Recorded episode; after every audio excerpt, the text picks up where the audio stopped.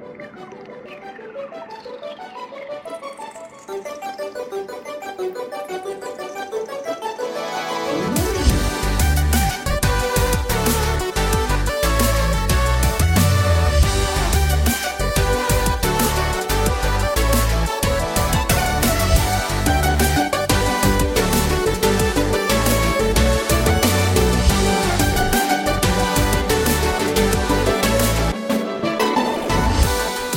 Velkommen til nerdelandslagets Sidequest, noe av det mest spennende jeg vet om å lage. Og i dag så er det selvfølgelig ikke noe unntak til den regelen, for selv om vi i nerdelandslaget snakker entusiastisk om spill og nerdekultur på ukentlig basis, og mener at uh, spill det er det fineste som fins i hele verden, så er vi også opptatt av å fokusere på utfordringene. Fordi hvis vi ikke snakker om det som er dritt, så kan vi heller ikke tro at de tingene som er dritt, kommer til å endre seg. Uh, så det må vi gjøre. Derfor så har vi lagd en spesial tidligere om crunch culture. Vi har snakket om likestilling, diskriminering en rekke ganger i nederlandslaget. Men nå skal vi virkelig ta for oss en kake med drit over to episoder. Eh, vi skal nemlig snakke om spillmediets seks største utfordringer. Og det er jo selvfølgelig en subjektiv uttalelse. Det kan godt hende at noen andre mener at det er noen andre utfordringer som er større, men her er seks som eh, vi mener i hvert fall er store nok. Og hvem er vi? Jo, eh, til å dissekere disse utfordringene og forsøksvis da arrogant nok komme med noen forslag til løsninger, har jeg fått med meg to av Norges mest anerkjente og erfarne spilljournalister. Audun Rodem fra gamer.no og Erik Fossum fra pressfire.no. Hjertelig velkommen til dere. Tusen takk for det. Takk, takk, takk. Det er en glede å ha dere med. Um, dere debuterte jo på en eller annen måte i nederlandslagssammenheng uh, på Spillprisen nå nylig. ja, stemmer det. Ja. det var, da du møtte oss en gang der og, og tok litt uh, uh, hurtigintervju. Ja, jeg grabba tak i dere for å få deres meninger om spillprisen og om spillbransjen. Og det var jo bare på, som å putte på en femmer. Ja, ja, ja. Så var toget i gang, så da tenkte jeg disse menneskene må vi snakke mer med. Men uh, det er jo gøy å snakke om dataspill, så Det er liksom det vi gjør. Det er litt, litt greia vår. Jeg er litt redd for at det går over tida i dag òg. Ja. Men når, når, du sier at det vi må snakke om dritten for å kunne snakke om det bra òg. Er det litt sånn som at du må stemme under valget for å få lov å klage på politikken? Helt riktig! Det er veldig bra. Nei, men det er jo sånn, Vi er jo veldig store fans av um, Jeg vet ikke all, Allmenngjøring av spillmediet. Prøve å likestille det som kulturuttrykk med, med litteratur, med film osv. Og, så og da må man ikke bare rose opp i skyene. En del av den dialogen handler om kritikk også. Mm. Um, Ok, hvem er dere? Uh, deg først, Erik. Hva er din karriere i, spill, i spillmediet? Ai, ai, ai, ai. Um, I spillmediet? Ja. Um, Om, omtale av spillmediet, kanskje? Omtale av spillmediet. Uh, det starta vel strengt tatt med at jeg var en asshole i, i kommentarfelt og yes! forum, så det funker. Apropos ting vi ikke vil ha mer av. Uh. Ja. Nå, det her er jo en negativ ting i spillbransjen, egentlig. Ja, ja. Vi skal tilbake til det senere. Uh, men min karriere starta i Dagbladet ja. uh, i 2005. Mm -hmm. Så det begynner å bli en stund nå. nå er jeg, har blitt 34 år, så det betyr at jeg har skrevet Jo, takk. Uh, det betyr at jeg har skrevet mer om spill enn jeg ikke har skrevet om spill. Ja. Um, og så Etter hvert så kjøpte jo Dagbladet Pressfire da nå, mm. og så ble jeg en del av det. Og så gikk Pressfire ut av Dagbladet for en sånn seks og et halvt år siden. Mm. Uh, og der er jeg fortsatt uh, enn så lenge. Deilig. Vi kommer tilbake til det. Hvor mange artikler vil du anslå at du har skrevet i ditt liv? Oh lord. Uh, 7000. Ok. Om ikke eh, mer. Kan vi toppe 7000 i det høyre hjørnet? Audun Rodem fra gamer.no, hei til deg. Takk, takk. Mm. Hyggelig å være her. Ja, hvem er, hvem er du i spillsammenheng? Vel, uh, min proffe spillkarriere begynte vel da jeg begynte å frilanse for Gamer i 2010. På mm. slutten av 2010 der. Mm. Det var mens jeg studerte i Trondheim og skrev på en eh, masteroppgave om uh, spillkritikk i Norge. Mm. Og mm, ja, da jeg var ferdig med masteroppgaven, så hadde jeg gitt inntrykk av at jeg ville jobbe med det her på fulltid hvis det var mulig. Mm. Og da fikk jeg den muligheten da, av uh, daværende redaktør i gamer.no, og begynte som journalist da i 2012. Jeg har egentlig jobba fast med det siden da. Har eh, gått fra å være journalist til å være redaksjonssjef nå. Så nå trekker jeg litt mer i trådene, eh, og litt mindre av skrivinga som jeg gjorde før. Men, eh, men trives veldig godt med det. Mm. Fantastisk. Vi har nok kompetanse til å mene noe. Vi har også nok kompetanse til å komme med en slags fasit. Ja, nå skal vi løse alle problemene til Ja. spillbransjen. eh. Det er klart vi skal det. Denne her skal jeg uh, få noen til å oversette fra Wish eller fra Fiverr. Fiver, ja. eh, Fiverr og så sende over til hele spillbransjen internasjonale. Nei, men vi har eh, delt inn dette i to deler. Så dette er del én av to episoder. Vi skal ta for oss tre punkter i denne, og så skal vi ta for oss tre punkter i den neste. Og det er overskrifter med underoverskrifter. Så hvis du syns et tema er kjedelig, f.eks., så er det sikkert bare å skippe sånn ti minutter fram i tid, så kommer det et nytt tema. Så kan du kose deg med det isteden. Det aller første vi skal snakke om, det er jo um, en stor del av hele samfunnet vi lever i, egentlig, som mange av disse tingene er, da. Men kanskje enda større i spillbransjen, og det handler om grådighet. Grådighet i spillindustrien. Uh, og allerede der har jeg lada det, for jeg sier at det er grådig. Uh, at det ikke bare er f.eks. Eh, ønske om vekst, som noen andre ville kalt det. Jeg kaller det grådig. Og det første underpunktet under grådighet Det er en uttalelse som heter 'treet vokser inn i himmelen'. Altså en strategi da hos spillselskaper, hos publishere, eh, om evig vekst. At, at det skal alltid vokse. Det skal alltid være høyere eh, bunnlinjetall enn året før. Og dette pushes jo frem av børs og investorer. Og det er en utfordring for spillbransjen. Hvorfor er det det? Nei, si det. det. Det er jo litt den der eh, Vi ser det jo i mange bransjer. At eh, det spiller jo nesten ikke en rolle hvordan det går med faktisk innholdet som produseres eller selges. Det skal bare være en, øks, en økt eh, inntektsstrøm for dem som eier deler av selskapet. Og det, det er ikke sunt i lengden. Fordi da blir det investorer som styrer avgjørelser. og i verste fall investorer som styrer hvordan det kreative skal være. Mm. Og det er, det er et problem. Eh, vi har kanskje ikke merka det så mye eh, sånn totalt sett, fordi det er ganske mange bra selskaper rundt omkring i, i spillbransjen nå. Eh, men vi ser det f.eks. innenfor e-sport. Så er det jo veldig mye Det er mange selskaper som prøver å force seg inn på det markedet fordi det liksom har vært i vinden. Vi ser måten det snakkes om NFT-er og krypto og metaverse nå. Det er jo Det er ikke ting som kommer fra dem som lager spillene, det her. Mm. Helt riktig. Uh, og det som du sa, det er jo ikke unikt for spillbransjen. Det er jo noe vi har sett i flere bransjer. Mediebransjen i USA er jo et prima eksempel på Mm. en bransje der det har vært et behov for stadig vekst, og så har reklameinntektene sunket, ikke sant? Det har blitt kutta til beinet, kjøpt opp, investorene har fått mer å si, det eierne har fått mer å si på innholdet som lages. Mm. Uh, og i spillbransjen så har det egentlig gitt mer uttrykk i denne, det som Erik snakker om, at man søker etter den neste store måten å tjene penger på, enn om, det er NFT-er eller uh, life, life, service, life service games, den typen ting. Eller det å kjøpe opp uh, alle selskap i verden og få et Ja, ja. monopol som det ser ut som enkelte holder på å prøve å få til nå. Du har jo vekst hvis du kjøper alle ikke sant? Det skal jo sies at uh, spillbransjen er jo i en vekst. ikke sant? Vi er jo i en tid der flere og flere og flere spiller dataspill. Eh, og det betyr jo at det kommer til å være en vekst fremover enda. Mm. Fordi alle i verden spiller ikke dataspill enda. Nei. Eh, så det kommer nok til å fortsette å være en ekstremt stor vekst. Ja. Jeg tror det var Microsoft sin sjef som, uh, som sa at innen 2030 så er det rundt 4 milliarder folk som spiller. Mm. Eh, og det er jo en dobling fra fem år siden. Mm. Og eh, det markedet altså, vil jo øke og øke og øke. Og så på et eller annet tidspunkt så vil det jo flate ut. Ja. og Det er ikke nok folk. Og da er da er jeg spent på å se hvor mange selskap som går konkurs. Ikke nødvendigvis fordi selskapene går dårlig, men fordi den veksten stopper. Mm. Og da blir det kaos. Panikk. Folk får panikk, begynner å selge. Altså Vi så det jo da eh, Pokémon Go kom ut. Folk begynte å kjøpe Nintendo-aksjer. Helt til jeg innså at oh, fuck, det er jo ikke Nintendo som lager spillet. det er sånn, å ja, Milliarder som gikk opp og ned og opp og ned. Ja. Jeg blir jo helt kvalm av den der berg-dal-banen. Det sier jo litt om hvor, uh, hvor nøye man setter seg i noe før man hopper på den. ja. Ja, ja. Stokk dum. For det er det, dette handler om Stokk dum. Dette handler om gullrushet, ikke sant? som vi Ja, også så Uh, i Den ville vesten. Dette er, jo, dette er jo mennesker som ikke nødvendigvis hadde noe um, kunnskap for geologi, som dro for å finne gull. Akkurat som dette er mennesker som ikke har noe kunnskap om spillbransjen og hvordan mekanikkene fungerer, som ser en måte å gå uh, kjapt tjene penger. Mm. Uh, og det du snakket om innledningsvis, Erik, som handler om når måte, innholdsavgjørelser tas fra et businessperspektiv, der hele spillideen begynner med en forretningsidé, sånn som f.eks. Anthem. Anthem er mitt eksempel. Anthem? Ja. Um, uh, det, er en, det er det neste punktet mitt. Eh, og, og det punktet er eksemplifisert i mikrotransaksjoner. Eh, mikrotransaksjoner har jo blitt måte å tjene penger på i en spillindustri der hvor folk ikke er nødvendigvis villige til å betale 699-799 for et spill, med mobilspillenes inntog på Apple i 2007. Eh, det var der det begynte. Så mikrotransaksjoner.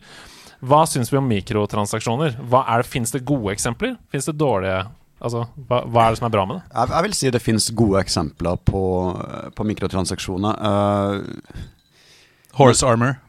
Uh, kanskje ikke det beste eksempelet, men heller ikke det verste. Nei, det, er, det er det som er det ironiske. Jeg husker at det var det verste. Vil, Horse armor for dem som ikke levde på 2000-tallet.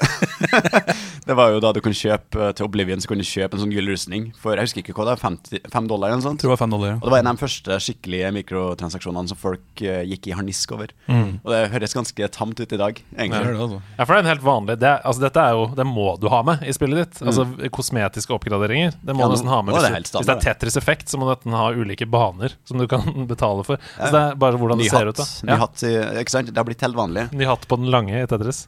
Men, eh, men det mikrotransaksjoner har gjort da, sånn positivt, er jo å åpne muligheten for spill som er gratis i bunn og grunn, men som man kan investere penger i. Og det er jo der det på en måte kommer en sånn litt sånn vanskelig gråsone, der du kan ende opp med ja, ting som ikke er helt bra. Jeg tror de fleste har gått bort fra pay to win-modellen nå. Det, jeg hører mange si at Lost Ark sliter litt med det. Uh, men uh, jeg tror sånne ting som League of Legends, sånne ting som uh, Ja, de, typen spill, Genshin Impact, har en litt vrien variant igjen, med en sånn gacha-mekanikk, ikke sant? Men hvis det, det, det det åpner for, er muligheten til å, å spille spill uten å nødvendigvis betale veldig mye for det. Problemet er at du må nesten i veldig mange tilfeller gjøre det, ikke sant? Um, ja. Jeg spiller jo Dota 2, Mm. og Dota 2 er helt gratis. Det er ingenting du trenger å betale for i det spillet hvis du bare har lyst til å spille spillet. Og det er kun kosmetiske ting Uh, til en viss grad. Altså De har sånn Battle Pass-system, og uh, de lager noen nye moduser innimellom som er knytta til det. Men hvis du vil spille grunnspillet, så er det helt gratis. Jeg vil si at det er den perfekte måten å, uh, ha et mikrotransaksjonssystem. Mm. Fordi jeg er er heller ikke negativ til konseptet mikrotransaksjoner. Det er bare at det er enkelte som implementerer det på en grådig måte. Da er vi Mm. tilbake til det du sa, Mm. At det er en, en del grådige aktører ute her. Eh, League of Legends er jo i teorien et gratis spill, det òg, men du må jo handle for å få til å spille. Heartstone. ja, du må ikke, men uh, jeg skjønner hva du mener. Ja, altså Nei. det, er- det er noen grinds som blir lagt til, ikke sant? Ja. Og så ligger Legends på ingen måte noe av det verste. Uh, Candy Crush da det kom, ikke sant? Ja. Mm. Uh, Mario Kart Live, Åh, som, eh, eh, som jo er helt put. Unnskyld, Tor heter det. ja, mobil- ja. Mm. Eh, som er helt grufullt i at du bare sier nå får du ikke lov å spille mer, med Mm. mindre du punger ut. Og det, Da vil jeg heller bare betale et par hundre kroner og så spille så mye jeg vil. Tenk om det hadde skjedd på kino. ja, Du så et kvarter av filmen, så måtte du legge på ti kroner til. Helt til Er ikke det man gjør med sånn episodebasert eh, Oh, Shots fired. Eventuelt hele Marvel Uh, Oi, sant. enda større shots fired. Jeg tror jeg må um, Nei, men uh, jeg har to eksempler som jeg har lyst til å diskutere. Ja. Og Kan, kan jeg bare først få Ja, si en ting? absolutt. Eh, um, Nå har du lagt på penger. Ja, sorry. Men uh, det, du innleder jo med at det å lage spill fra en businessmodell først er noe skitt, og det er jo sant. Men det er jo ikke unikt for mikro mikrotransaksjoner. Det ble gjort på 60-, 70-, 80-, 90-tallet også. Eh, kanskje mest tydelig Mm. med Arkadespillene. Mm. Der spillene ble designa for at du skulle bruke penger på dem. Der det var vanskelighetsgraden var direkte knytta til hvor mye penger du var villig til å gi for å bli bedre til å eh, til slutt klare å gjennomføre spillet. ikke sant? Mm. For Vi snakker om spill som, hvis du gjør dem perfekt, er under på mellom 30 minutter og en time. Mm. Og det, det, det ble ganske tydelig da de begynte å selge de her Arcade Collectionene på 2000-tallet. Mm. Da du fikk de her spillene, så kunne du bare putte på så mange mynter du ville. Så var det sånn, «Å, ja, ferdig på 25 minutter. Oi. Ja. Så, ja, altså Arkademaskiner var vel det første eksempelet på eh, pay to win eh, og, og mikrotransaksjoner. Jeg vil ikke si pay to win, Ja. men eh, altså, Pay to play? Pay to play Ja, ja. og pay to earn, er ikke det som er greia? Og det, Eh. og, sorry, men det, det er ikke unikt for uh, spillbransjen heller. Vi har jo sett at businessmodellen påvirker hvordan uh, kunstverk, filmer, musikk, egentlig all type media blir laga. Mm. Uh, Internettnyheter. Alt liksom klikk. klikkhoreri. Altså, Mm. alt det her har en businessmodell i bakgrunnen på hvordan det er blitt laga. Mm. Ja, så, så mik- mikrotransaksjoner er egentlig bare enda en grad av det, Ja. som, som har blitt eh, både positivt og negativt eh, brukt. Men eh, pay to win har har, som Audun sa, for det meste forsvunnet nå, ikke sant? Altså, Kanskje det største eksempelet vi har igjen, er Fifa, eller EA Sports FC, som det heter nå. Hele Ultimate Team uh... Hele Ultimate Team-greia er jo pay to win. Uh, du må punge ut for å få et godt uh, Ultimate Team hvis du skal delta f.eks. i turneringer og sånn. Eh, fordi du er Altså, du er at a disadvantage Mm. Hvis du ikke gjør det. For da må du spille mange mange, mange timer. Uh, så der kan du bare kjøpe deg liksom frem i køa. Uh, Og neste år så kommer det et nytt spill. Hvor Ikke sant, den du får- forrige får kolleksjonen ikke med din det. Ikke er verdt ting. Det er veldig få som snakker om det. mm. At de, de brenner hele fotballkortbunken din hvert år. Og det var det første eksempelet mitt Ah. av, av mikrotransaksjoner. FUT, som jeg kanskje mener er den største utingen fordi det er så stort spill. Mm. Altså det, er så, det når så mye bredere enn de aller fleste spill. Fifa når mye bredere enn Elden Ring. Mm. Ikke sant? sant. Så, uh, så Fifa er jo det Når, når uh, den gjennomsnittlige beboer i verden, altså foreldre, onkler, tanter osv., møter spillbransjen, så møter de ofte Fifa. Uh, I skolesystemet osv. Og, og, og andre. NHL. De har også en slags FUT-modell. MLB, baseball, en slags Mm, ja, ja. FUT-modell. Ikke sant? Det er dette, dette er manges syn på spillbransjen. Da. Ja. Det er et problem. Det, det vil jeg si. Eh, og litt av problemet er jo at folk Eller veldig mange ikke bryr seg nok om det. Mm. At det har blitt eh, en helt normalisert ting i de spillene her. Ja. Det er blitt en forventning i sportsspillene at du skal ha en sånn modus, og folk Nå skal ikke jeg dømme folk for det de gjør, det, det syns jeg ikke er riktig, men uh, det, er jo litt trist da at det på en måte er den her kjøpe-kortpakkegreia som har blitt veldig sånn symptomatisk for hele sportsspillsjangeren. Og Og, er og gjør at jeg egentlig ikke er interessert i å, å Nei, ikke være borti det sjøl. Eh, jeg husker den, den første FUT-implementeringa som var, som var i et sånt Champions League-spill i 2004 eller noe sånt. Mm. Eh, der var det jo alt in game. Det var ikke noen mulighet til at du kunne kjøpe ting med ekte penger. Mm. Eh, og da, da er det kult med kortpakker og sånn, ikke sant? Det blir som et RPG. Det er en Ja. grind. Du har lyst til, og du føler at du har fått til noe. Men nå kan du liksom bare kjøpe, kjøpe, kjøpe, kjøpe, kjøpe, mm. og så får du ingenting tilbake av det, for du, du har jo ikke peiling på hva du får. Nei. Og nå har de begynt å vise eh, prosentene, eh, sannsynligheten for at du får toppkort. Mm. Og de må jo liksom lure og trikse oss til å tro at sjansen er større likevel. Ja. Og det er, det er symptomatisk da på hele greia. Dette er neste punkt på grådighetslista mi. Uh, men det neste som jeg kjapt også tenker vi må innom, er mobilspill. Finnes det i det hele tatt mobilspill nå som lages av en annen modell Ja. enn modellen som er Ja. Clash of Clans, uh, Bomb Beach osv.? Det gjør det. Uh, Apple lanserte jo Apple Arcade for to år siden nå. Ja, noe sånt. Som jo er en abonnementstjeneste. Betaler husker ikke, 50-lapp i måneden. 60 Mm. kanskje. Uh, og da alle- Google har også tror, sin. Ja, Google har også sin egen. Jeg husker ikke hva den heter.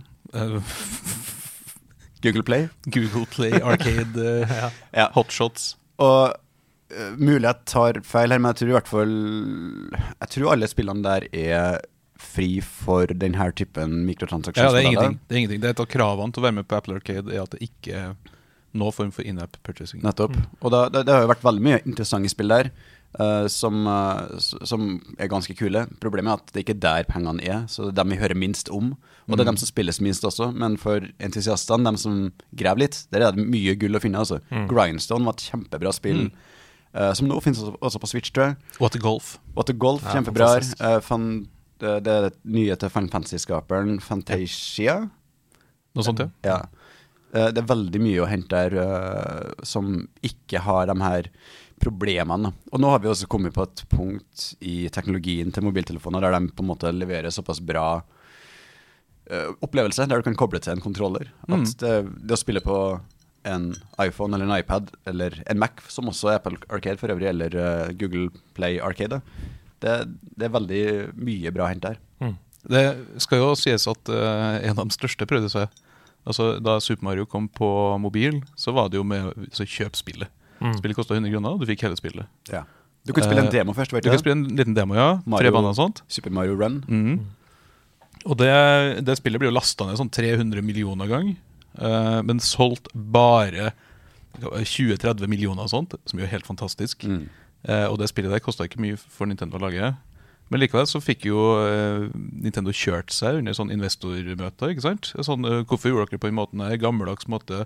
Dere er så gammeldags, bla, bla, bla. bla, bla. Mm. Stock price går nedover.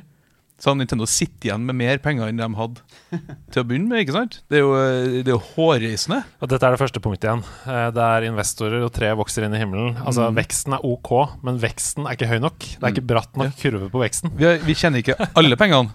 Vi kjenner bare masse penger. Ok, Det neste punktet innenfor grådighet er eh, lootboxes og lover og regler som er knytta til lotteriloven i Norge. For vi er jo tross alt ganske heldige uh, i Norge som blir vernet av en, et organ som prøver å uh, hjelpe, altså verne befolkningen mot pengespill og spillavhengighet og sånne ting. Og da mener han pengespillavhengighet, ikke spillavhengighet, som vi ofte snakker om. Men i 2018 så skrev du en artikkel om dette, Erik. Eh, Et sitat fra den artikkelen er Kulturdepartementet kommer til å vurdere om lootboxer skal reguleres i den nye pengespilloven. Ja. Hva skjedde? Nei, det eh, Altså, det er jo nesten for lett å snakke om at byråkratiet går sakte. Men det her er parodisk, ikke sant? Mm. Det har jo ikke skjedd noe som helst. Altså, det har vært noen komiteer, det har vært noen eh, altså, Er det forskningsrapporter vi kan kalle det, egentlig? Ja, det har vært noe vært sånn noe. Det har vært noe.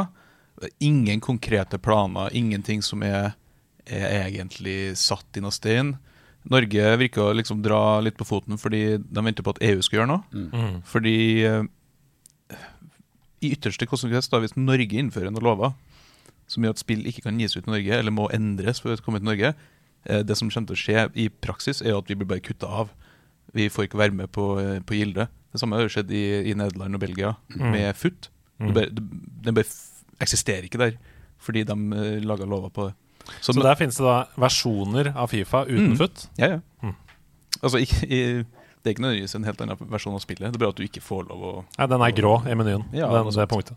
Og det er kanskje måter å komme seg rundt det på. VPN og Ja, ja, ja, det er jo null problem, ikke sant? EA, altså i møte med, med land og med liksom myndigheter i land, så tok EA og bare sa fuck it, vi er større. Mm. uh, og bare tok det vekk. Mm. Fordi det kan de gjøre. Eh, så det, det går sakte i Norge, eh, men jeg tror det er litt fordi at vi må henge oss på en større liksom, push. EU, liksom. EU, og så er det hele litt det med at altså, En lootbox er ikke en lootbox. Det er ikke alle lootboxer som er, er bad, liksom. Mm. Altså, Og det var jo, jeg tror det var det som ble nevnt da det her var Jeg tror det var et lovforslag i 2020 eller 2021 eller noe Mm. rundt der, da de tok opp nettopp det med hvordan det her skal gjøres. Og da var det det at de sleit med å definere hvor grensa går. Eh, de var veldig tydelige på at Lotteritilsynet var den instansen Ja. som burde ta tak i det hvis det skulle gjøres noe. Mm. Men de var veldig redd for å liksom committe til noe der. Og så er de, de er veldig rigid i måten de skal implementere dagens lovgivning på. Uh, fordi den er altså, Det er jo tre kriterier som må møtes Mm. for at det skal i hele tatt lotteriloven skal komme inn. Mm. Og det er jo at det må være en innsats Mm. eh, i penger. Eh, det må være eh, sjansespill. Og så må du kunne få noe tilbake etterpå som har en pengeverdi. Økonomisk gevinst. Ja, Mm. og der er liksom sånn Den loven ble skrevet for så lenge siden at uh, lootboxes og dataspill var ikke en greie, nesten. Nei. Og det er Det gjør jo at det er vanskelig å skulle prøve å tre liksom futt inni der. Ja. Fordi du, du tjener jo ikke noe penger på det etterpå. Nei, i hvert fall Eh, ikke utenfor Altså, Hvis du skal tjene penger på det, så er det i det gråsonemarkedet. Der sant? hvor du selger kontoen din, f.eks. eksempel Og det er der de har vært veldig lite villige til å gå inn og liksom anerkjenne at det fins faktisk et, en gråsone. Det gjør det. Eh, absolutt. I alle spill, nesten, Ja. så er det sånn. Og vi må Eh, videre. Jeg må bare si at eh, samlere av Pokémon-kort for eksempel, i Norge sliter jo med dette. Ja, Eh, da, da Jeg vil jo si at det er samme greia. på, et, på, altså En Pokémon-kortpakke er jo en lootbox Mm. Ja. eh, i sin eksistens, men i større uh, utbredt uh, praksis, mener jeg. For da på en måte Pokémon fikk sin reoppsving igjen rett før pandemien, og boosta pandemien, det var alle skulle sitte inne og ha en hobby, så er det jo sånn at til og med Brønnøysund-registrerte selskaper i Norge omgår lotteriloven ved å selge mystery boxes av Pokémon-produkter. Som er sånn at du kjøper 200 spots, og så er det 20 av dem som er noe bra i boksene. Sånn at uh, mange da som egentlig ikke har råd til å kjøpe f.eks. en base-set Pokémon-kortpakke til 20 000, de har egentlig ikke råd til det. De uh, bruker 2000 på drømmen om å kunne kjøpe en pakke til 20 000. Mm. Og så gjør du det ti ganger, da, og så har du brukt 20 000. Ikke sant? Ja, men, uh, det har vært et sånn argument, egentlig ikke et argument, men folk er sånn «Å, Hvis vi skal slutte med lootbox-spill og slutt med Pokémon-kort og fotballkort og sånn. Det er sånn, ja, men fuck yeah! Slutt med det òg! Altså, det, er jo, det er jo bygd på den samme ekle eh, modellen om at du vet jo faen ikke hva du får kjøpt. Nei da.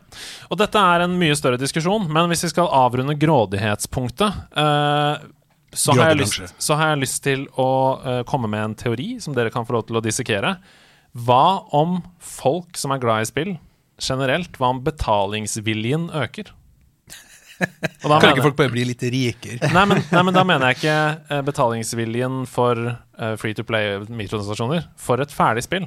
Altså hvis man, hvis man dreper alt av uh, free to play-ting og sier 'spill koster 500 kroner', men da får du også hele spillet. Er det mulig da- å forandre? Altså, vi, vi er jo i en forandringsprosess nå, vil jeg si, med mye mest fokus på bibliotektjenester, der du kjøper inngang, og så får du tilgang til et haug med spill. Microsoft er jo eh, foregangspersonen der, vil jeg si, eller bedriften, med GamePass, og Sony lanserer jo sin nye PlayStation eh, Plus-greie nå snart. Som, eh, ja, Vi får se hvordan det går.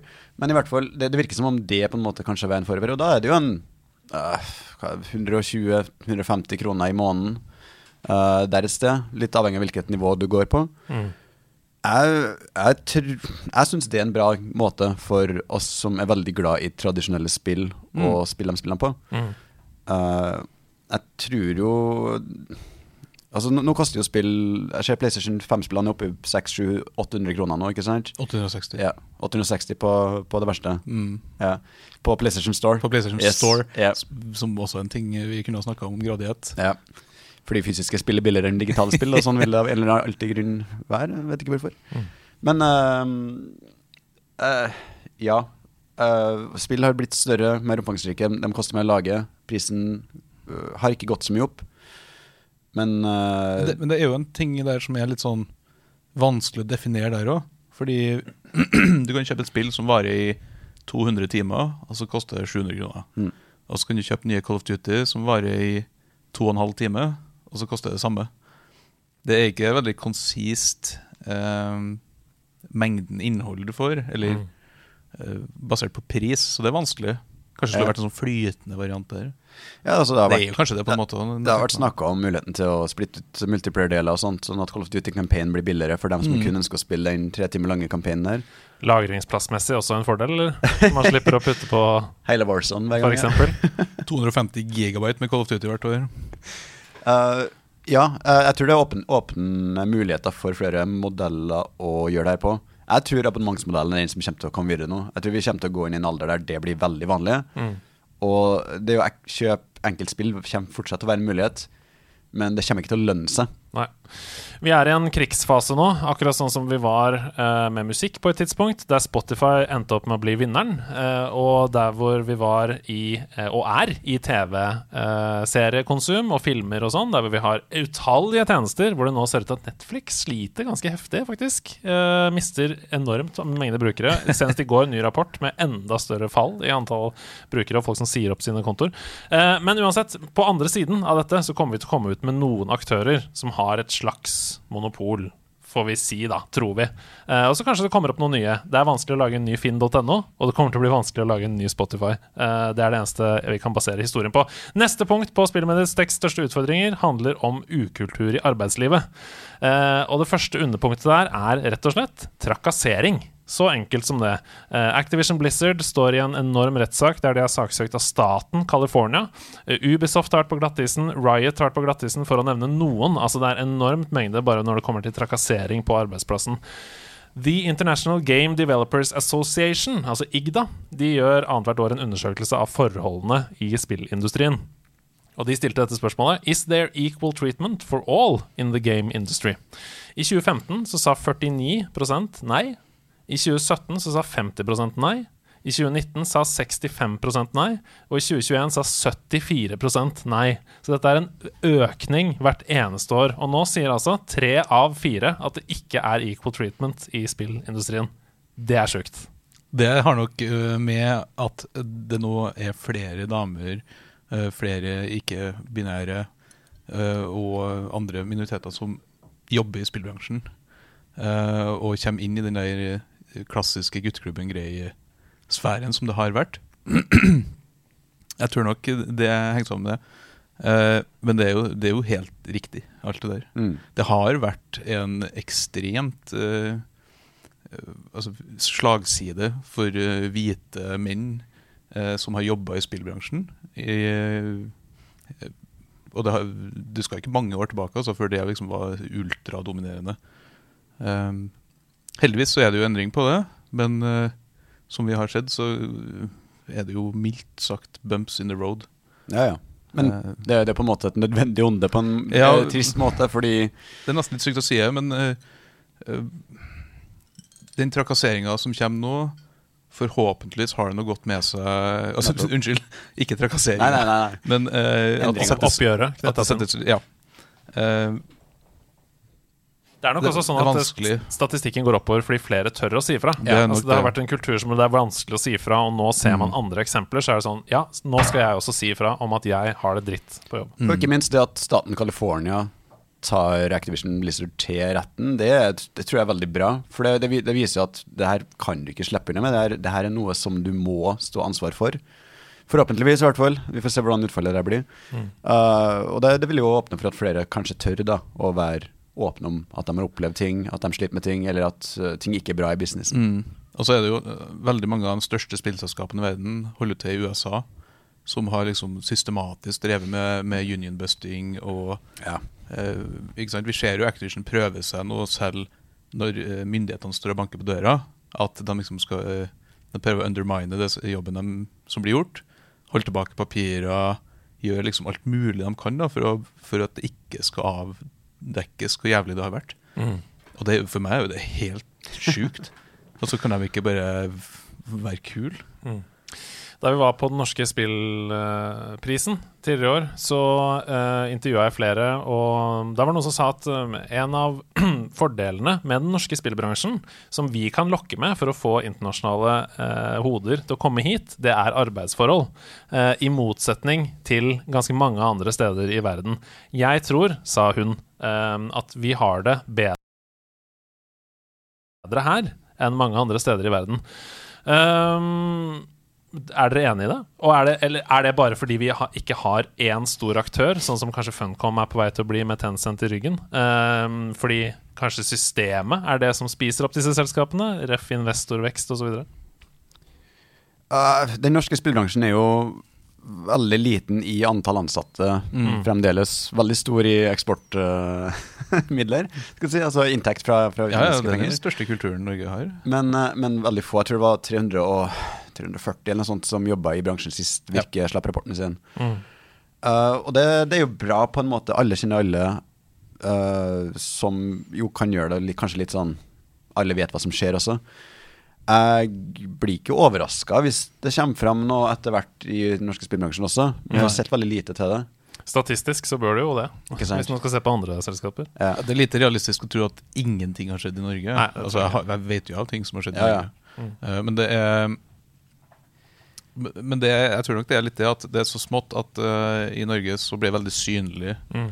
og du jeg vet, ikke- jeg vet ikke om det skal liksom si at Norge er en bedre plass for sånn. Uh, jeg tror kanskje det blir litt prematurt å, Ja, liksom trekke den konklusjonen, men uh, Nei, Nei, dette var Katarina Bøhler, kom jeg på nå, fra Sarepta, som, Mm. som sa dette. Altså, Katarina har jo mer erfaring med bransjen enn både Erik og meg, så Mm. jeg ville ha stort på det hun sier, Mm. for all del.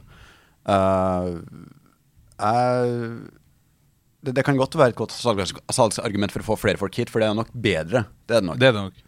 Uansett.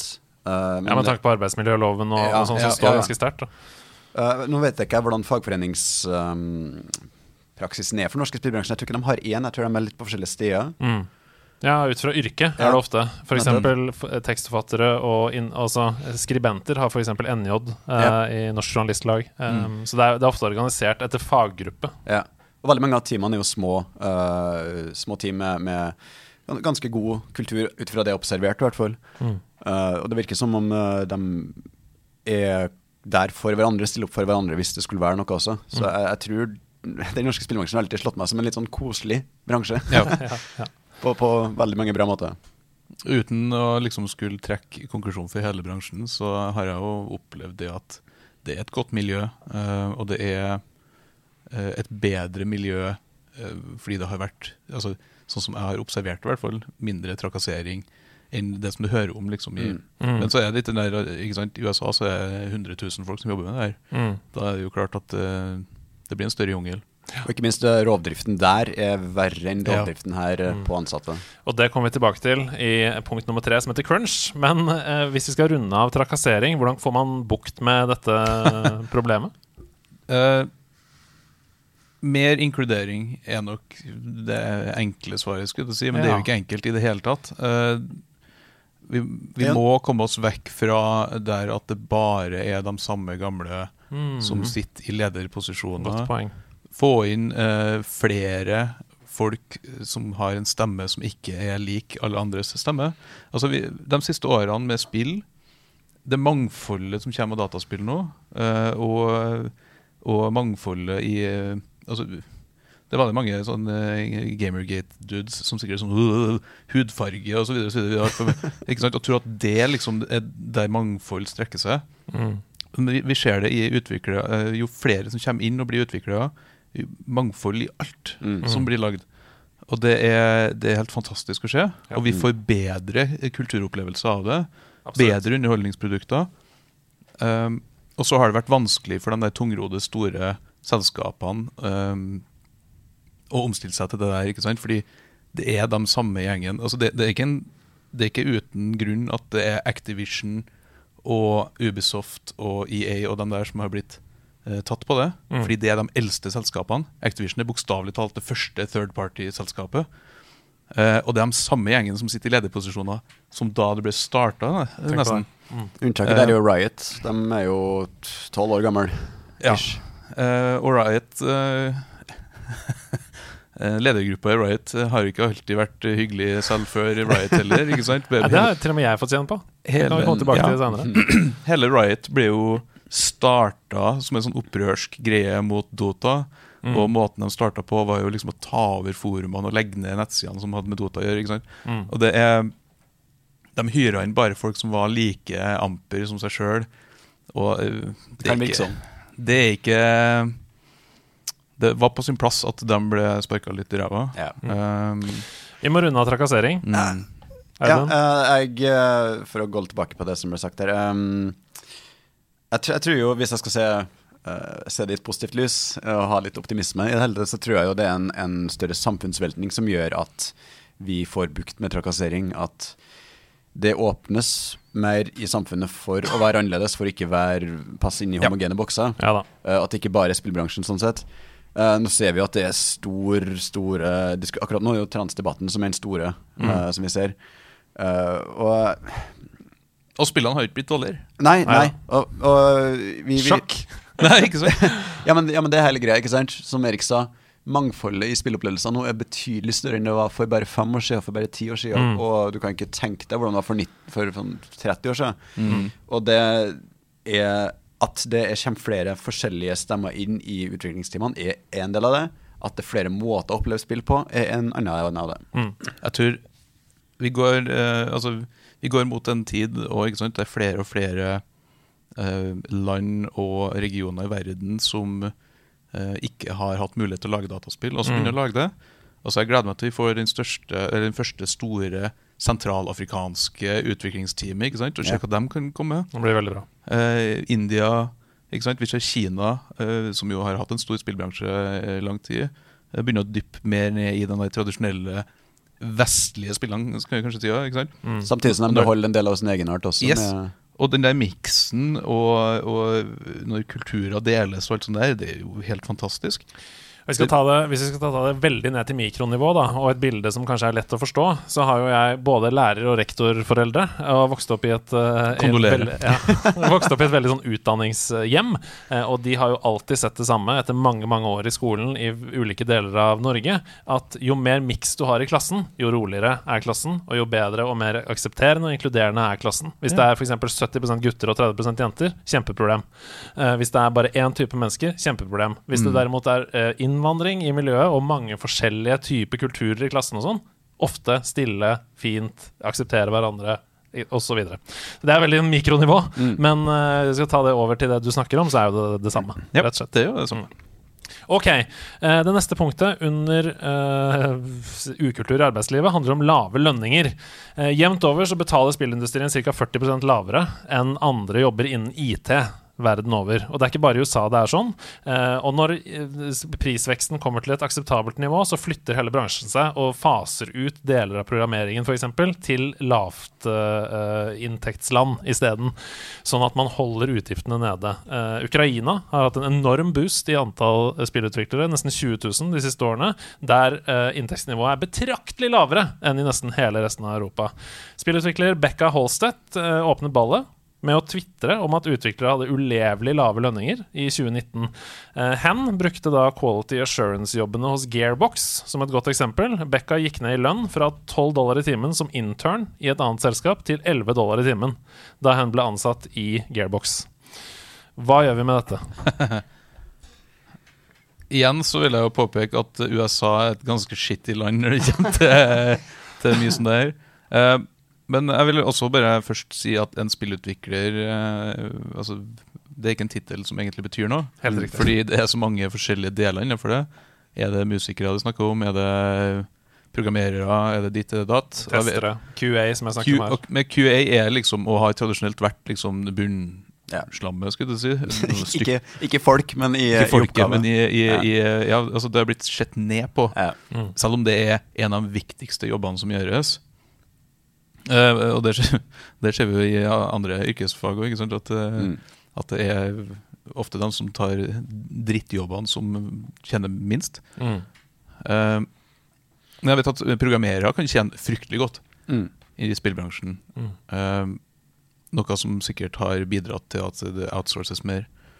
Eh, å betale noen en, leve, altså en levedyktig lønn, eh, føler jeg nesten er liksom Dit må vi komme. ja, det burde vært minstekrav for å ha Ja. en bedrift. eh, Sånn, eh, hvis, Også- men- hvis du er fulltidsansatt. Men det er noe skikkelig disgusting med å se liksom spi, eh, spillselskaper som Activision, ikke sant, som går 18-20 milliarder i pluss hvert år, Mm. ikke makter å gi en gruppe på 30-40 stykker i Raven nok til liksom å leve på.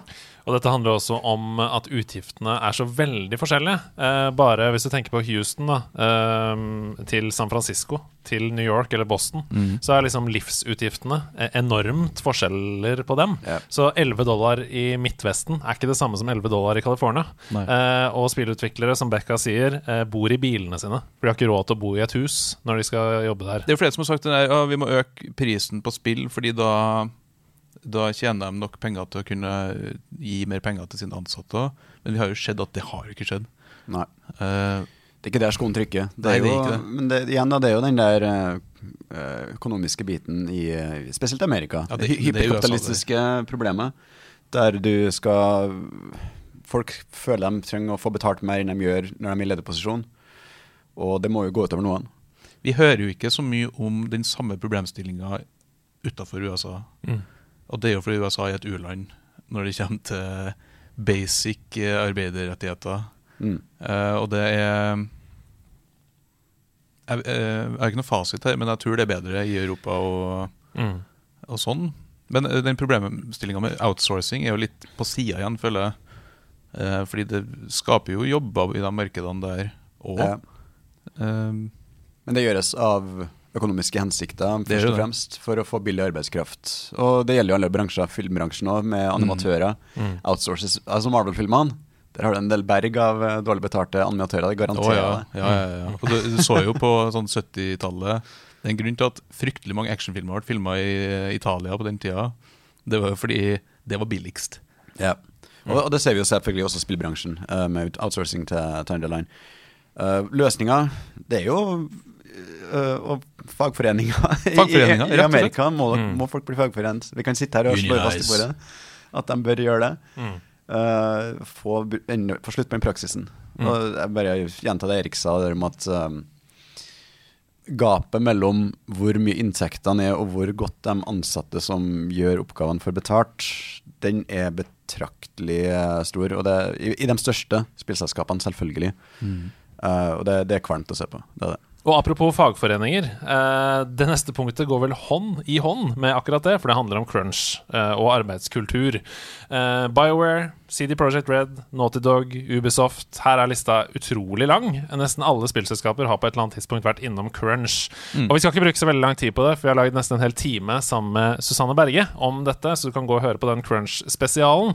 Men uh, bare noen korte betraktninger om hvordan man kan endre arbeidskulturen. Dette er jo ofte, dette er jo ofte uh, hva skal jeg si, i ryggraden på hele nasjonen, dersom det f.eks. er uh, lenger østover. Eh, Japans kultur handler jo om disse tingene.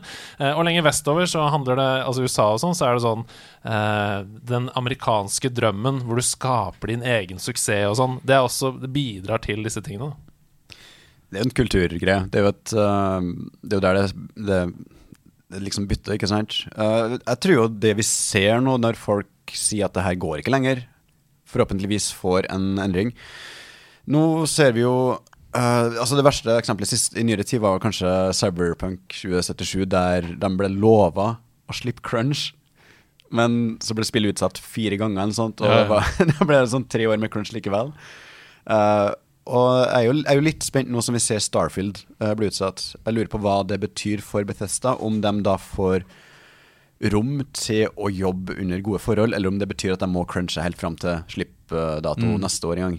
Eh, det, det, det er sånne ting jeg er nysgjerrig på å høre, fordi at alle de historiene som har blitt fort, eh, fortalt fra Rockstar, fra CD Projekt, fra Ubisoft nå, det må jo ha hatt en effekt som på en måte sier at det her kan vi ikke gjøre lenger. Uh, og jeg tror det er først nå vi vil se effekten av det, i så fall, Ja. på sånne store utsettelser som det her, om det fremdeles betyr crunch. Jeg tror at crunch vil være en del av spillbransjen og alle egentlig kreative bransjer til enhver tid, men problemet er jo når det ikke blir en uke. Problemet når det blir seks måneder, og så, og så får du beskjed på den siste dagen om at vi må gjøre det i seks måneder til, og så får du beskjed på den siste dagen om at vet du hva, sorry, men vi må gjøre det enda seks måneder. Ja. Det er da det blir et problem, når det blir en sånn evigvarende crunch. Er- For en, en uke med, med mye arbeid, det, det gjør vi alle her eh, en Altså- gang iblant. Og det tror jeg eh, Crunch, altså rett før lansering av et produkt, at liksom, folk tar i litt ekstra i en ukes tid, det er jo ikke der problemet ligger.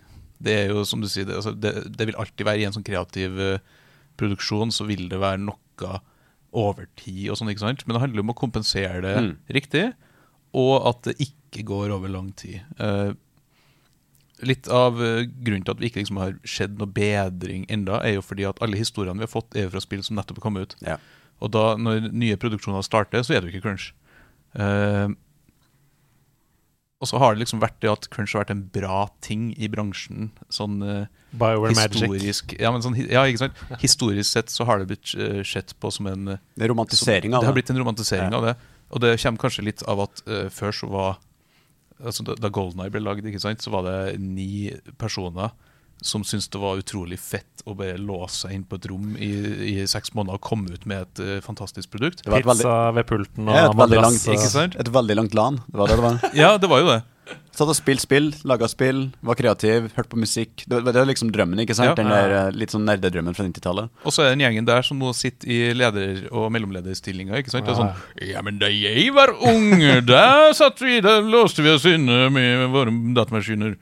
Og det Nå er det Det er blitt så profesjonelt. Det er jobb nå, i stor grad, i store produksjoner. Folk har lyst til å ha det som en jobb. Eh, fordi det er ikke alle sammen som sitter og lager dataspill, som er involvert i den kreative prosessen i like stor grad. ikke sant? Mm. Eh, hvis du skal sitte og programmere shaders, så er det ikke liksom Det er ikke du som har bestemt hvor spillet skal være.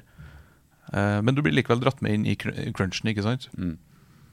Eller kua, som eh, Eller kua, en, av, en av dem som har hatt det verste crunchen. Ja, altså ja, ja, ja. testeteamet. Og som òg er den mest ulidelige fuckings delen av det å lage dataspill.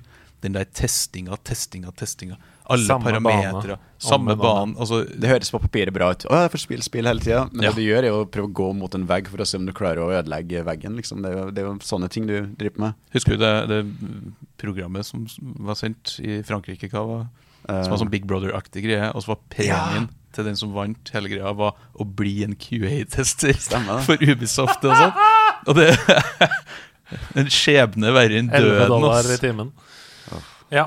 Nei, eh, det er åpenbart noen utfordringer her eh, med ukultur i arbeidslivet, men jeg syns jo Unionize er en god um, to streker under svaret her. Ja, Og så skal det sies at pressen som har holdt på å avduke alt det her, Mm. eh, er viktig. Ja. Altså vi, uh, Watchdog-greier. Shoutouts. Shout til Jason. Og Ja. Han har jo en hel bok om crunch. ja, og, og visstnok så har det hjulpet veldig Mm. at det har blitt satt fokus på det. Eh, men det er fortsatt en greie, liksom. Ja, ja. Men, men ikke sant, altså, hvis det er et indie-team på to stykker som cruncher Det er, det er ikke bra. feil, men Det eh, er ikke bra, det heller, men det er på en måte ikke systematisert og Nei. ovenfra og ned. Det er det to Nei. stykker som bestemmer. Det her vil vi faktisk uh, kjøre oss til grunne på.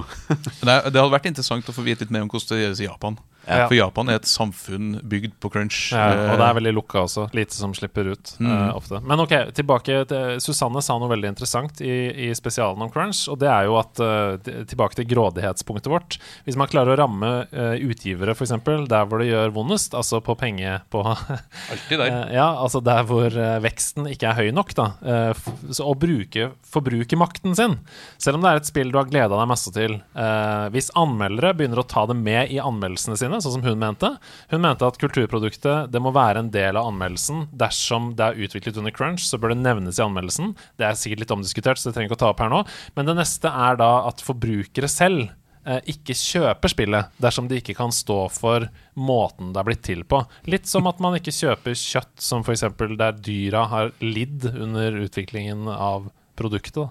Eh, det høres ut som en god, eh, god ting å gjøre det. Det, altså, ja. Men, uh, ikke- boikott er en, en, en mulig vei. Ja. Problemet igjen, da, er jo at Ta Raven da som eksempel.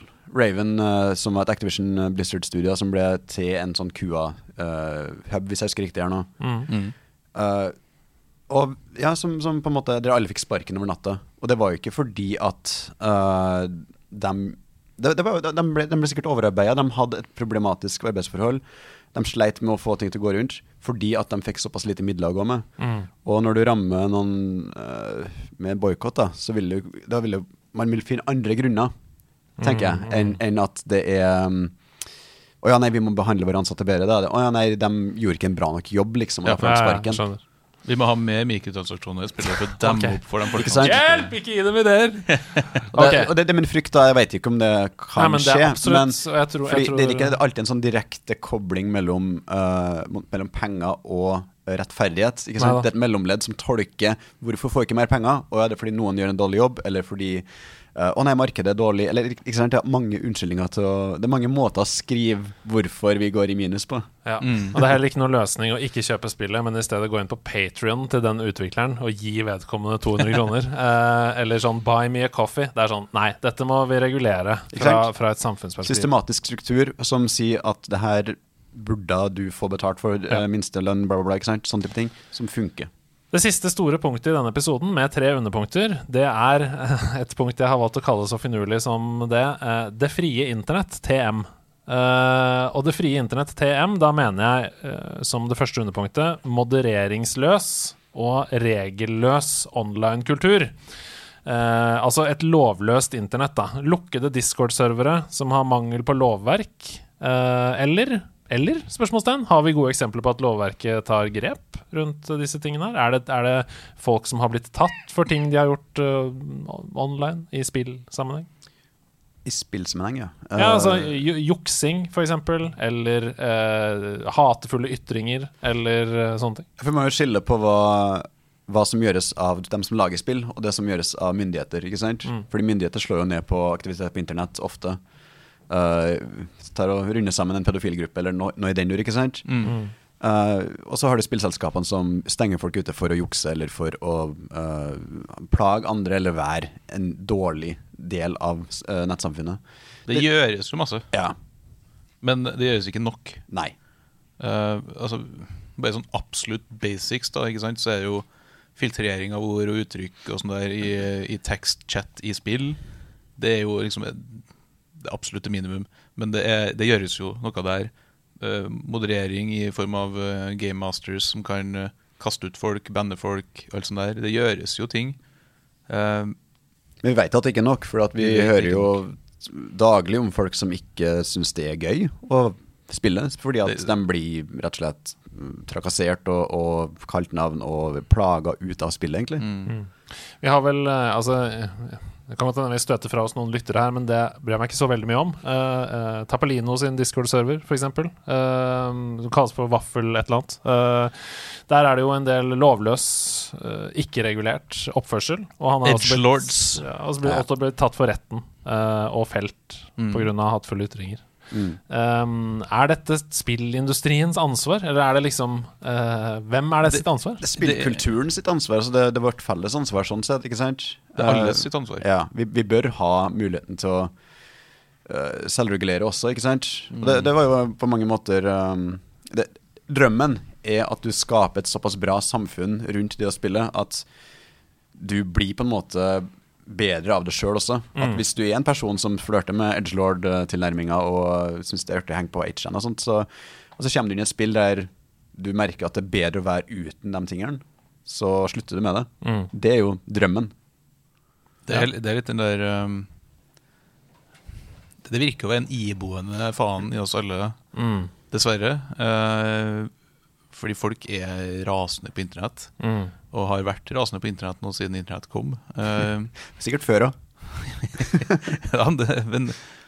Problemet nå er at alle har en melkekasse å stå på for å spy eder og galle. Uh, og så blir de, eh, blir de også sint hvis de blir, blir kasta ut fra den der uh, plassene de har lyst til å stå og rope. Mm.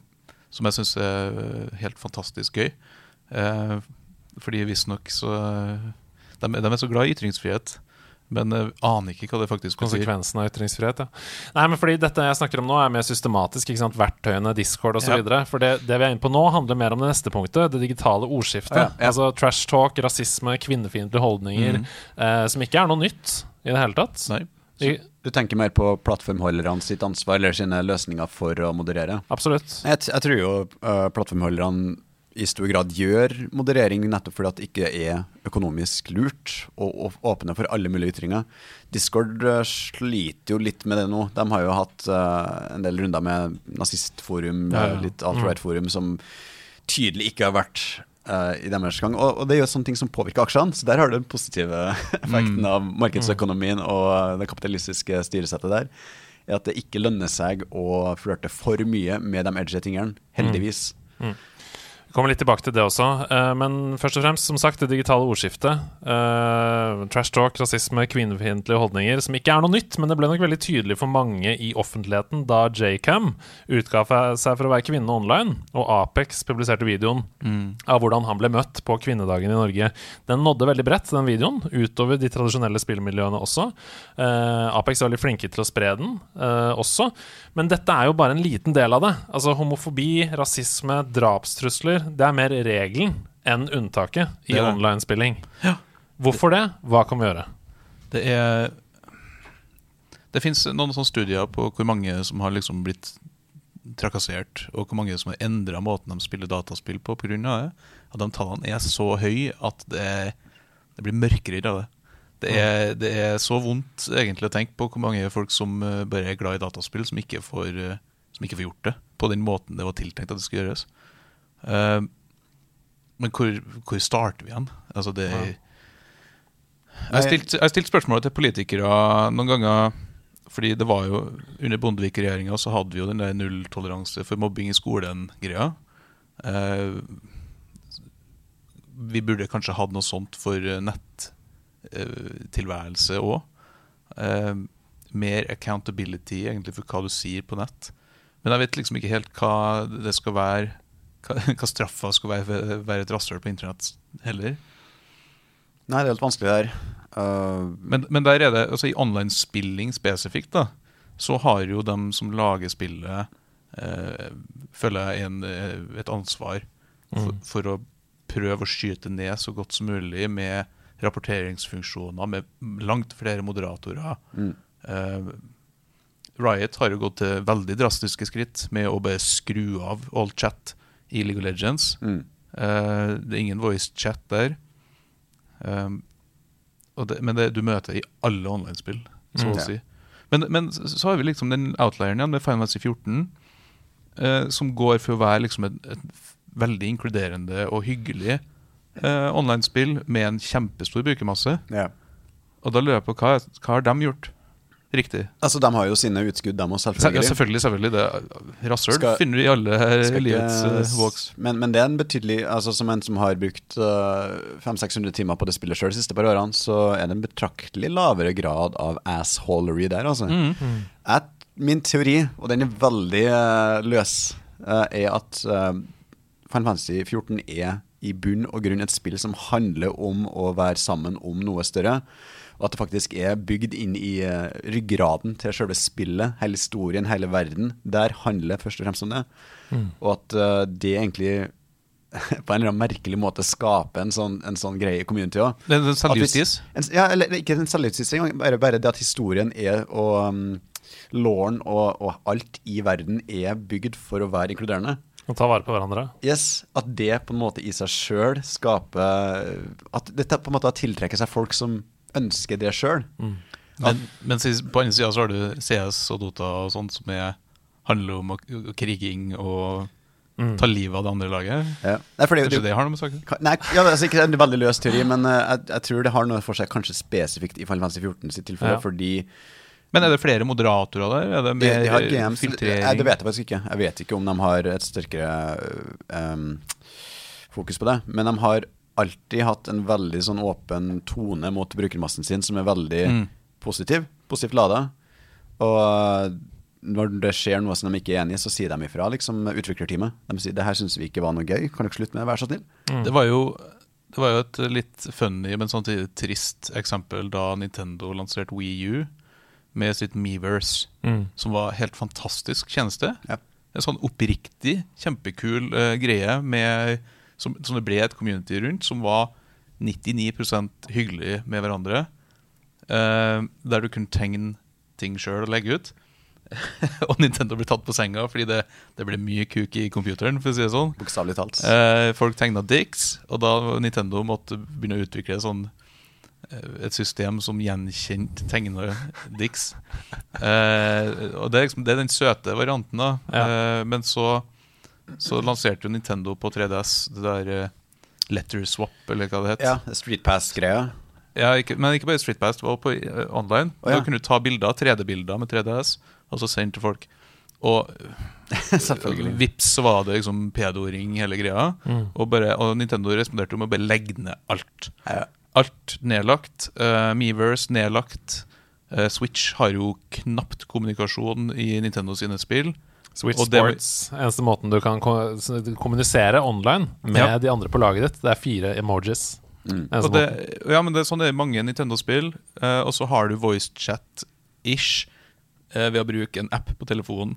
Mm. Så Da kan du bare ringe folk isteden. Ja. Uh, Det gjør det vanskelig fordi at de er redd for å få en ny ja, problem. de har ikke lyst på den backlashen. Ja. Og da begynner folk å bruke Discord og sånn isteden. så blir det lukka. Mm. Vi må, vi må runde av denne episoden, men det siste punktet her Det var dere så vidt innom i stad, og det handler om farlig radikalisering som oppstår i kjølvannet av online-spilling. Og, og det er det lite snakk om. Og Ja. hvis det snakkes om, så er det klønete snakka om. For da snakkes det om som hele spill Uh, Altså, gamere er et problem. Erna var ute med en litt flåsete uttalelse som vi i nederlandslaget reagerte på i VG, f.eks. Yes. Da hun, hun var velmenende, men måten hun sa det på, er veldig farlig. Hun, Ja, for hun hadde jo rett, egentlig. ja, det hun egentlig mente, var uh, rett. Men sånn det fremsto, var at alle de som sitter på gutterommet og gamer, de blir nazister. Uh, og det var, ikke, det var ikke bra. Men radikalisering ved å ramle inn i ulike miljøer online. Enten via online-spilling, via World of Warcraft, via MMO-er og åpne rollespill der man møter på andre, og du kanskje flørter med noen meninger, og så finner du andre som bekrefter dine meninger, og så ramler du inn i lukkede Discord-server og sånn. Har det egentlig noe med spill å gjøre? Er det spillindustriens ansvar? Uh, um, jeg, har veldig, jeg har veldig mange tanker om det her, og du ville runde av episoden. Nei, men uh, de er ikke runda altså, runda med dette punktet, på en måte. Så Men- ta, ta for dere. Åh, uh, Jeg tror jeg og Audun har ganske samme mening her. Kanskje. Fordi det er jo ikke spilling som er problemet her. Nei. Og, det er ikke det. og dataspill er ikke lenger bare dataspill noe mer. Online-spilling er en sosial plattform. Absolutt. Det er og det, det er 2,5 milliard folk som spiller dataspill. ikke sant? Mm.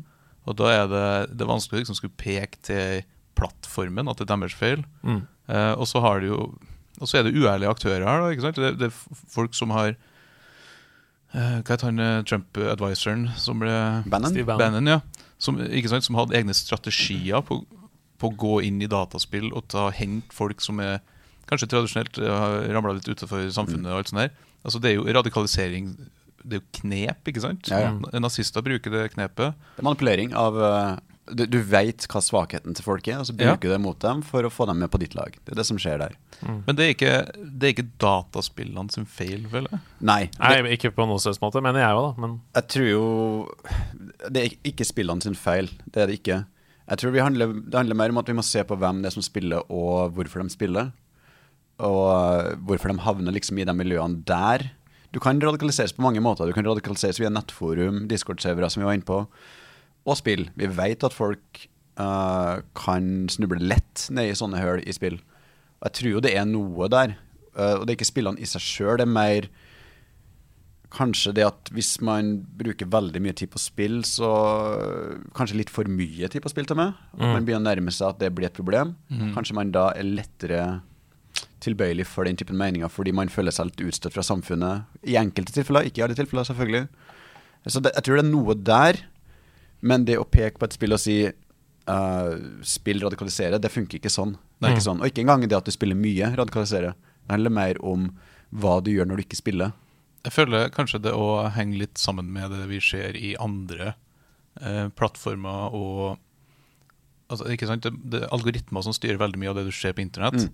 Altså måten, Hvis du googler ting masse, sant, så får du mer av det. Hvis du liker ting på Facebook, så får du mer av det du liker. Det blir sånne ekkokammer. Og hvis du ender opp i et dataspill der det er folk som har litt samme meninger som deg, og alt sånt der, og så bare låser du deg inn i det dataspillet, så lager du jo på en måte den samme ekkokammeret der. Uh, og da, da er liksom spiralen i gang, da. Og kanskje du, da, du får ikke like mye input fra andre meninger, andre folk. Det er nettopp det. Hvis du finner en tilhørighet i spillene, Ja. i de her gruppene, som, der du føler deg inkludert, der du føler at du er verdifull, der, der din mening har noe å si, så vil det veie betydelig mer enn uh, meninger som du på en måte syns er feil. Da, ikke sant? Og det, det gjelder jo alle mulige veier. Men hvis, og det, som du sa, da, f.eks. band med sine strategier for å radikalisere folk, det handler mye om det. Det handler om å få folk til å føle at de var en del av noe større. Og det er jo klassisk Det, propagandatriks. det er klassisk, og det har blitt brukt opp gjennom tidene ikke sant, på det eh, der folk er. Og i dag så er folk på internett gjennom dataspill. Eh, og da er det Da er vi igjen tilbake til egentlig samme som vi snakka om i sted, med at spillutviklere må vi må ha mer moderatorer. Vi må mm. nip it in the bud. Eh, Jeg syns det var riktig det du sier også, at uh, vi, vi ser jo nå i både YouTube-algoritmen og TikTok f.eks. Uh, selv om du kanskje ikke mener å gjøre det, så skaper du din ekokommer ved å bruke Eller ved å se de tingene du ser på. Fordi du på en måte blir satt i bås, du blir satt i en gruppe av Ok, det her, en person er interessert i det, da viser vi mer av det. Så hvis du f.eks. er litt tilbøyelig til å til å se, se litt på en TikTok-video der en, en eh, mann forklarer hvorfor eh, du ikke får ligge med kvinner. Så får du fort eh, flere av dem hvis du, hvis du liksom ah, ja. altså, Da blir det virkelighetssinnet. Det blir påvirka gradvis, ikke sant? Dere er inne på noe veldig viktig her som vi kaller for confirmation bias. Yep. Og det kommer vi tilbake til i neste episode av denne kaka som vi eh, driver og spiser av nå. Uh, vi analyserer de største utfordringene med spillbransjen. Jeg syns det var mange gode spørsmål her, som dere også stiller. Jeg syns vi fikk mange gode svar også. Jeg er sikker på at uh, om man ikke har gjort seg opp noen meninger om dette tidligere, og ikke tenkt så mye, så har man i hvert fall fått nye tanker, da. Og om ikke det ble liksom konkluderende svar i denne del én, så er det i hvert fall noen tanker som kan føre til at man finner ut sine egne svar eh, basert på dette. Så tusen takk til deg, Audun. Takk. Og tusen takk til deg, Erik. selv takk. Dere skal få høre mer fra disse eh, i, i, Hva heter det? Gifted, the gifted Men i neste episode eh, av Spillmediets seks største utfordringer. Vi snakkes igjen neste uke. I mellomtiden, ha en god helg, da! Og gjør noe fint som har med gaming å gjøre. Det er masse å ta av. Hjelp noen i et dataspill. Ja. Hjelp noen i et dataspill.